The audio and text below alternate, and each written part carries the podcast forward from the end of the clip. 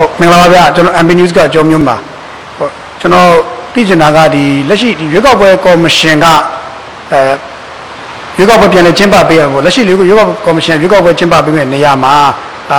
လူမှုမယုံကြည်မှုနိုင်ငံတကာအတိုင်းအဝိုင်းရဲ့မယုံကြည်မှုသို့မဟုတ်အာတက်ဆိုင်ရာနိုင်ငံရေးအတိုင်းအဝိုင်းရဲ့မယုံကြည်မှုတွေနဲ့ရင်ဆိုင်ရနေကြီးရှိတယ်ဆိုတော့သိမယ်ထင်ပါတယ်ဘာဖြစ်လို့လဲဆိုတော့ဒီရွေးကောက်ပွဲကော်မရှင်ရဲ့2020မဲစင်းစစ်ဆေးမှုနဲ့ပတ်သက်ပြီးတော့ထုတ်ပြန်ချက်ကိုတောင်းမှပဲနိုင်ငံတကာအတိုင်းအဝိုင်းမှာရော အာနောက်တစ်ခါတချို့နိုင်ငံရေးတိုင်းဝိုင်းတွေမှာရောတချို့လူမှုတိုင်းဝိုင်းတွေမှာပါလစ်လျူရှုထားတာတွေ့ရတယ်အဲ့တော့ဒီစစ်တပ်ကဖွဲ့စည်းပေးထားတဲ့ရွေးကောက်ပွဲကော်မရှင်ရဲ့ပြန်လည်ကျင်းပပေးမယ့်ရွေးကောက်ပွဲဟာဘယ်လောက်ထိယုံကြည်မှုရှိမလဲဘယ်လောက်ထိယုံကြည်စိတ်ချရမလဲဟိုယုံကြည်မှုမရှိနိုင်ဘူးဆိုတော့မိကုံးပေါင်းများစွာကိုဘယ်လိုပြန်ဖြေခြင်းလဲခင်ဗျဟုတ်ကဲ့ဒါနဲ့ပတ်သက်လို့ရှိရင်ကျွန်တော်တို့ပြည်ထောင်စုရွေးကောက်ပွဲကော်မရှင်ကိုကျွန်တော်တို့ဖွဲ့စည်းပုံအခြေခံဥပဒေရတော့၎င်း နိုင်ငံတော်စီမံအုပ်ချုပ်ရေးကောင်စီရဲ့ရှေ့လုပ်ငန်းစဉ်တစ်အရတော့၎င်းကျွန်တော်တို့ဖွဲ့စည်းခဲ့ခြင်းဖြစ်ပါတယ်ဖွဲ့စည်းတဲ့အခါမှာကျွန်တော်တို့ကျွန်တော်တို့ပြည်ထောင်စုရွေးကောက်ပွဲကော်မရှင်ဟာလုပ်ငန်းစဉ်ငားနဲ့အညီလွတ်လပ်ပြီးတရားမျှတတဲ့ပါတီစုံဒီမိုကရေစီအထွေထွေရွေးကောက်ပွဲကိုကျင်းပပေးရမယ်တာဝန်ရှိပါတယ်အဲ့တော့ဒီတာဝန်ကိုထမ်းဆောင်မှုအတွက်ကျွန်တော်တို့ကော်မရှင်ကိုဖွဲ့စည်းထားပါတယ်ဖွဲ့စည်းတဲ့အခါမှာကျွန်တော်တို့ကော်မရှင်အဖွဲ့ဝင်တွေဟာကျွန်တော်တို့ပါတီနိုင်ငံရေးကင်းရှင်းတဲ့လူတွေဖြစ်ပါတယ်အတွေ့အကြုံရင့်ကျက်တဲ့လူတွေအများစုဖြစ်ပါတယ်ဒါကြောင့်ဒီပုံကိုယ်တွေကကျွန်တော်တို့ပြည် ရွေးကောက်ပွဲကိုလွတ်လပ်ပြီးတရားမျှတတဲ့ရွေးကောက်ပွဲကိုအောင်မြင်စွာကျင်းပဖို့ကျွန်တော်တို့ဥတီပြီးအလေးထားဆောင်ရွက်လျက်ရှိပါတယ်ဒီလိုဆောင်ရွက်တဲ့အခါမှာခုနပြောတဲ့အာဝေဖန်တဲ့လူတွေဟလာဒီနိုင်ငံကာတို့ပြည်တို့နဲ့ပြောတာတွေတော့ရှိမှာပါဒါကတော့သူတို့သဘောထားပဲဖြစ်ပါတယ်ဒါပေမဲ့ကျွန်တော်တို့ပြည်တော်စုရွေးကောက်ပွဲကော်မရှင်ကတော့ရွေးကောက်ပွဲဆောင်ရွက်တဲ့အခါမှာအရေးကြီးတဲ့လုပ်ငန်းစဉ်တွေဖြစ်တဲ့မဲစင်းတွေပြုစုတာနောက်ပြီးတော့ကျတော့ကြိုရင်မဲတွေပါတာတဲ့ကြိုရင်မဲပေးခြင်းပါမဲပေးတာ နောက်ပြီးတော့မဲရည်တွက်ခြင်းနဲ့ရလထုတ်ပြန်ခြင်းဒီလိုလုပ်ငန်းစဉ်အဆင့်ဆင့်တွေရှိပါတယ်ဒီလုပ်ငန်းစဉ်အဆင့်တိုင်းမှာကျွန်တော်တို့ကနိုင်ငံရေးပါတီတွေနောက်ပြီးတော့ကျမှသက်ဆိုင်ရာနိုင်ငံသားပြည်သူလူထုတွေရဲ့မျက်စိရှေ့မှောက်မှာပဲကျွန်တော်တို့ကဆောင်ရွက်တဲ့လုပ်ငန်းစဉ်များဖြစ်ပါတယ်ပွင့်လင်းမြင်သာစွာဆောင်ရွက်မှာဖြစ်ပါတယ်အလားတူပဲကျွန်တော်တို့ကဒီဟာနဲ့ပတ်သက်လို့ရှိရင်ပြီးခဲ့တဲ့ရွေးကောက်ပွဲမှာအားနည်းချက်တွေဖြစ်တဲ့မဲစင်းတွေဖောင်းပွားတာမရှိအောင်နောက်တစ်ခါမဲလက်မှတ်တွေမှားယွန်းတာတွေဖောင်းပွားတာတွေမဖြစ်အောင်ကျွန်တော်တို့ဆောင်ရွက်လျက်ရှိပါတယ် အလားတူပဲကျွန်တော်တို့မဲဆန္ဒပြီးခဲ့တဲ့ရွေးကောက်ပွဲမှာကြိုတယ်မဲတွေကအလွန်များပြီးတော့ဒီပြဿနာတွေ6တန်းလောက်ရှိပါတယ်ဒီဟာတွေရှိလို့ကြိုတယ်မဲပေးခွင့်နဲ့ပတ်သက်လို့ရှိရင်မဲဆန္ဒနဲ့ပြင်ပရောက်တဲ့မဲဆန္ဒရှင်တွေရဲ့ရက်90ရက်180ဒီလိုသွားတဲ့လူတွေပေါ့လေနောက်ရက်90လို့ပြင်လိုက်ပါတယ်ဒီလူတွေမဲပေးခွင့်ကိုလည်းကျွန်တော်တို့ခွင့်ပြုတော့မှာမဟုတ်ပါဘူးဒါကြောင့်မို့လို့ဒီကျွန်တော်တို့ဒီမဲပေးတဲ့အခါမှာဖြစ်နိုင်တဲ့ဒီ risk တွေကိုကျွန်တော်တို့ကရှော့ပြီးကတည်းကမှလွတ်လပ်ပြီးတရားမျှတတဲ့ရွေးကောက်ပွဲဖြစ်အောင်ကျွန်တော်တို့ ဆောင်ရွက်လက်ရှိပါတယ်ဒါကြောင့်ကျွန်တော်တို့ကတော့တန်တိတ်တန်ချမှတ်ပြီးတော့ဒါဆောင်ရွက်လက်ရှိတဲ့အတွက်လွတ်လပ်ပြီးတရားမျှတတဲ့ရွေးကောက်ပွဲဖြစ်မှာဖြစ်ဟိုဒီဖြစ်အောင်ဆောင်ရွက်မှာဖြစ်ကြောင်းအာမခံပြီးကျွန်တော်ပြောကြလို့ဟိုကလေတစ်ခုလောက်တော့ထောက်ချင်သေးပါတယ်ဟိုကလေ2020မဲမတမာမှုရလက်ကိုတောက်လျှောက်ထုတ်ပြန်နေတာဖြစ်ခဲ့ပြီးတာကြာခဲ့ပြီပေါ့နော်နိုင်ငံတကာရဲ့အတိမတ်ပြုမှုလက်ရှိနိုင်ငံရေးပါတီတွေရဲ့အတိမတ်ပြုမှုလက်ခံလက်ခံပေးမှုကဘယ်လောက်တိုက်တာတွေရှိခဲ့တယ်ခင်ဗျစစ်စစ်တမ်းရှိထားလားဒါတွေကကျွန်တော်တို့ကအကုန်လုံးချပြပြီးပြီ ချပြပြီးကကျွန်မလက်လက်တွေ့ကျွန်တော်တို့ကမာယုံမဲ့တွေရောဘာတွေရောလက်တွေ့ဒီမှာအုံကလောင်းပြပြီးသားဖြစ်ပါဒါတွေကိုမသိကြအောင်ဆောင်တယ်မကြားကြအောင်ဆောင်တာကတော့တစ်ပိုင်းပါကျွန်တော်တို့ကတော့ document တွေအပြည့်အဝနဲ့ကျွန်တော်ချပြပြီးသားဖြစ်ပါတယ်လက်ခံတဲ့လူတွေလည်းမြောင်များစွာရှိပါတယ်ဒါတွေကိုထောက်ခံပြီးတော့ဒါတွေကိုလက်ခံတဲ့လူတွေလည်းများစွာရှိကြောင်းဖြေကြားလို့ဟုတ်ကဲ့ကျေးဇူးတင်ပါတယ်ဟောပါမင်္ဂလာပါခင်ဗျအာကျွန်တော် သိချင်တာလေးတစ်ခုတော့ရှိပါတယ်ဒါဘာလဲဆိုတော့ဒီမြန်မာဒီမြန်မာနိုင်ငံရဲ့ဒီလွတ်လပ်ရေးကာလနဲ့စပြီးဒီနေ့အထိပေါ့တောက်လျှောက်တစ်လျှောက်လုံးမှာအဲတက်မတော်ကဒီနိုင်ငံရေးအတိုင်းဝိုင်းနေနောက်နိုင်ငံတကာအတိုင်းဝိုင်းနေနောက်တချို့သောလူမှုအတိုင်းဝိုင်းတွေရဲ့သူလက်ညှိုးဝိုင်းထိုးစရာပုံရံသူ village အဲ့နေရာနေပဲပုံမှန်တောက်လျှောက်သုံးတော့ခံလာရတာတွေ့ရတယ်ဆိုတော့တောက်လျှောက်သုံးတော့ခံလာတာနှစ်ပေါင်း80ကျော်လာပြီပေါ့နော်ဘယ်ချိန်ခေတ်ဘယ်ခေတ်ရောက်ဆိုတော့အခုတမတော်ကနောက်ဆုံးဖိတ်ခေါ်ထားတဲ့ NASA ကနောက်ဆုံးဖိတ်ခေါ်ထားတဲ့ညီချင်းဆွေးနွေးပွဲ အခြေအနေအရာကြည့်ရတာတမတော်ဟာဒီနိုင်ငံရေးအတိုင်းဝိုင်းထဲမှာဘီလိန်ဖြစ်သုံးတော်ခံနေရတဲ့သုံးပုံရန်သူဖြစ်လက်ညှိုးဝိုင်းထိုးခံနေရတဲ့အထက်ကနေဖြည်းဖြည်းချင်းပြန်နှုတ်ထွက်နေတဲ့သဘောမျိုးလားပြန်နောက်ပြန်ဆုတ်ပြီးတော့ကိုဟိုဟာကိုယ့်ရဲ့ဘယ်လိုပြောမလဲကိုယ့်ရဲ့ခန္ဓာကိုယ်တာဝန်ထမ်းထမ်းဆောင်မှုပြင်ဆင်နေတဲ့သဘောမျိုးလားဒါမှမဟုတ်တမတော်လိုချင်တဲ့အနာဂတ်နိုင်ငံရေးပုံစံပါလဲဟောတာလေးသိချင်ပါတယ်အဲဒီကတော့ညီညာရေးဆွေးနွေးပွဲနဲ့တမတော်ရဲ့အခြေအနေပေါ့နော်တမတော်ရဲ့အဲ နိုင်ငံရေးနဲ့ပတ်သက်ပြီးမေးတာလို့ကျွန်တော်ယူဆပါတယ်အဲကျွန်တော်ညီညာရေးဆွေးနွေးပွဲအကြောင်းကိုအရင်ဖြေလိုက်မယ်အဲမှာညီညာရေးဆွေးနွေးရမှာကျွန်တော်တို့အနေနဲ့အဓိကအချက်နှစ်ချက်ကိုပဲအခြေခံပြီးဆွေးနွေးတယ်အဲ့ဒါကတော့ပပါတီစုံဒီမိုကရေစီစနစ်နဲ့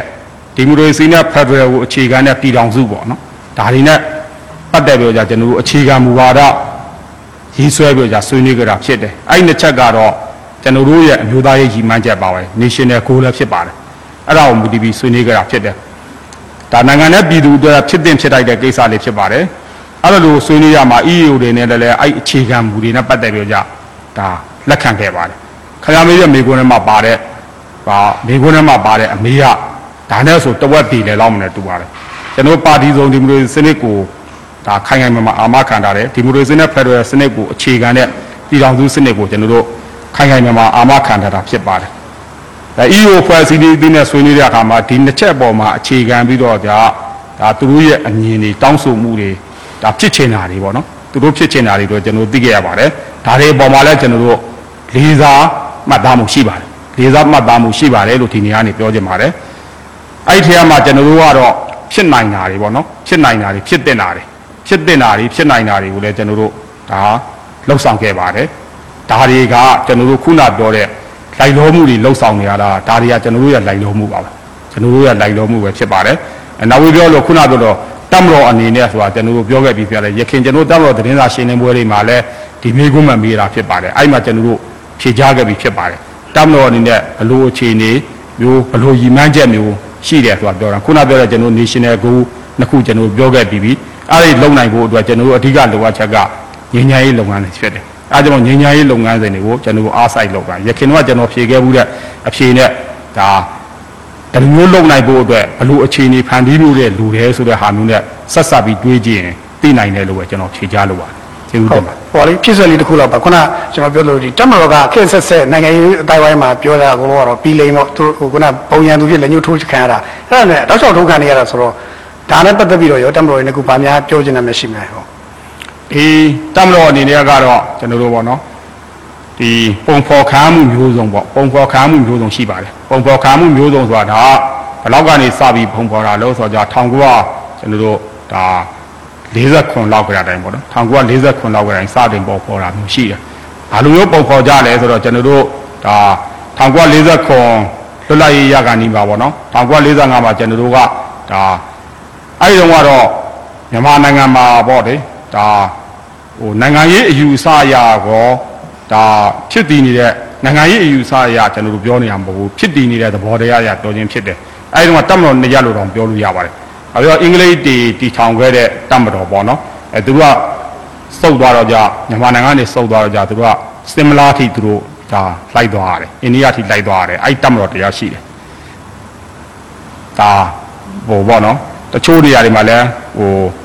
ဟိုဗမာတွေနဲ့ဖွဲ့ထားတဲ့တပ်တွေရှိတော့တိုင်းရင်းသားနဲ့ဖွဲ့ထားတဲ့တပ်ရှိတယ်။ဒါပြင်ဟိုဘက်မှာကျွန်တော်တို့ဒါဗမာလွတ်လပ်ရေးတပ်မတော်ပေါ့နော် BIA ဆိုပြီးတော့ကြဘိုလ်ချုပ်အောင်ဆန်းဦးစီးပြီးဖွဲ့စည်းလာတဲ့တပ်မတော်တရားရှိတယ်။1940ခုမှာကျွန်တော်တို့စတင်ဆောင်ရွက်တဲ့အခါမှာကန်ဒီစာချုပ်တို့ဘာလို့မချုပ်ခင်အပိုင်းတွေမှာကျွန်တော်တို့ဒါဒီလိုပဲပြန်လည်ပြီးတော့ကြကျွန်တော်တို့တာဝန်ထမ်းဆောင်နေပေါင်းစည်းရတယ်အဲ့ဒီမှာကျွန်တော်တို့ BIA ကနေပြီးအားလုံးသိပါတယ် BIA ကနေပြီးအစင်းစင်းပြောင်းလာရှိတယ် BDA ပြောင်းလာရှိတယ် လူကြီးလျှော့ပြီးဖွဲ့စည်းရတာရှိတယ်ဒါမျိုးတွေဖွဲ့စည်းတဲ့အခါမှာနှစ်ခုပေါ့နော်ပြောင်းလဲလာရှိပါပဲအဲ့တော့ကြကျွန်တော်တို့ဟိုတမ်တော်မှာပေါ့ဟိုကာကွယ်ဦးစီးချုပ်အချင်းစင်ပေါ့ဗျာစေဦးစီးချုပ်အချင်းကအဲ့တုန်းကဒါသိမှာပါကရင်အမျိုးသားပါဗိုလ်ချုပ်ကြီးဒါစမစ်ဘွန်းတို့စတင်ပြီးဆောင်ရွက်ခဲ့တာဖြစ်ပါတယ်အဲ့လိုဆောင်ရွက်ခဲ့တဲ့နေရာမှာဟိုပေါ့နော်အဲ့ဒီမှာခေရတိုင်းကိုပဲကျွန်တော်တို့အနေနဲ့ကအားလဲဆိုကြဒါနေသူရင်လူလူအစည်းအဝေးပွဲကြီးတို့ဘာလို့လုပ်ပြတတ်မတော်ဒီ ခိုင်မာရေးတတ်မတော်တရားထဲထားရှိရေးဆိုတဲ့ဟာမျိုးရှိပါတယ်အဲ့ဒီခေရတိုင်းတချို့သောနိုင်ငံရေးသမားတွေကဒီဘက် BIA BDA ကိုကျွန်တော်တို့လက်ညှိုးထိုးတာမျိုးရှိပါတယ်တရားမဝင်မှုဆိုတဲ့ဟာမျိုးတွေလက်ညှိုးထိုးတာဖြစ်ပါတယ်အဲ့တော့ကြာကြာဒီဟာကိုကျွန်တော်တို့ပုံဖော်လာတာဒီဘယ်လောက်ကြာပြီလဲဆိုတာသိရမှာဖြစ်ပါတယ်။ဒါကိုဘယ်သူတွေကပုံဖော်ခဲ့တာလဲဆိုတာလဲတွေ့ရမှာဖြစ်ပါတယ်။အဲ့ဒီကတိုင်းပုံဖော်တာဖြစ်တယ်။တနိုင်ငံလုံးကနေသူတွေလူလူအစည်းအဝေးကြီးလုပ်ပြီးမှ အဲ့ဒီတော့ကတော့ကျွန်တော်မှတ်မိတာဒုတိယအချက်ပေါ့နော်ကျွန်တော်ဖတ်မှတ်ထားလို့ပါဒုတိယအချက်အနေနဲ့ဒါအမတ်တယောက်ကတင်သွင်းပြီးမှဒီတစ်ခုလုံးကိုတတ်မတော်ကတရက်တည်းဖြစ်ရမယ်တတ်မတော်ကိုပြည်သူလူထုကအားလုံးကထောက်ခံတယ်ဆိုတဲ့ဟာမျိုးကိုရအောင်ယူခဲ့တာဖြစ်ပါတယ်အဲ့ဒီကအတိုင်းကျွန်တော်စတင်လှုပ်ဆောင်တာဖြစ်တယ်ဒါလွတ်လပ်ရေးရပြီးနောက်ပိုင်းမှာကျွန်တော်တို့ဒါ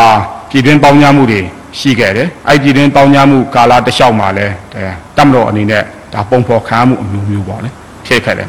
ဒါပြီးရင်ကျွန်တော်1958 အာ1958ခုနှစ်မှာကျွန်တော်အိမ်ဆောင်အစိုးရ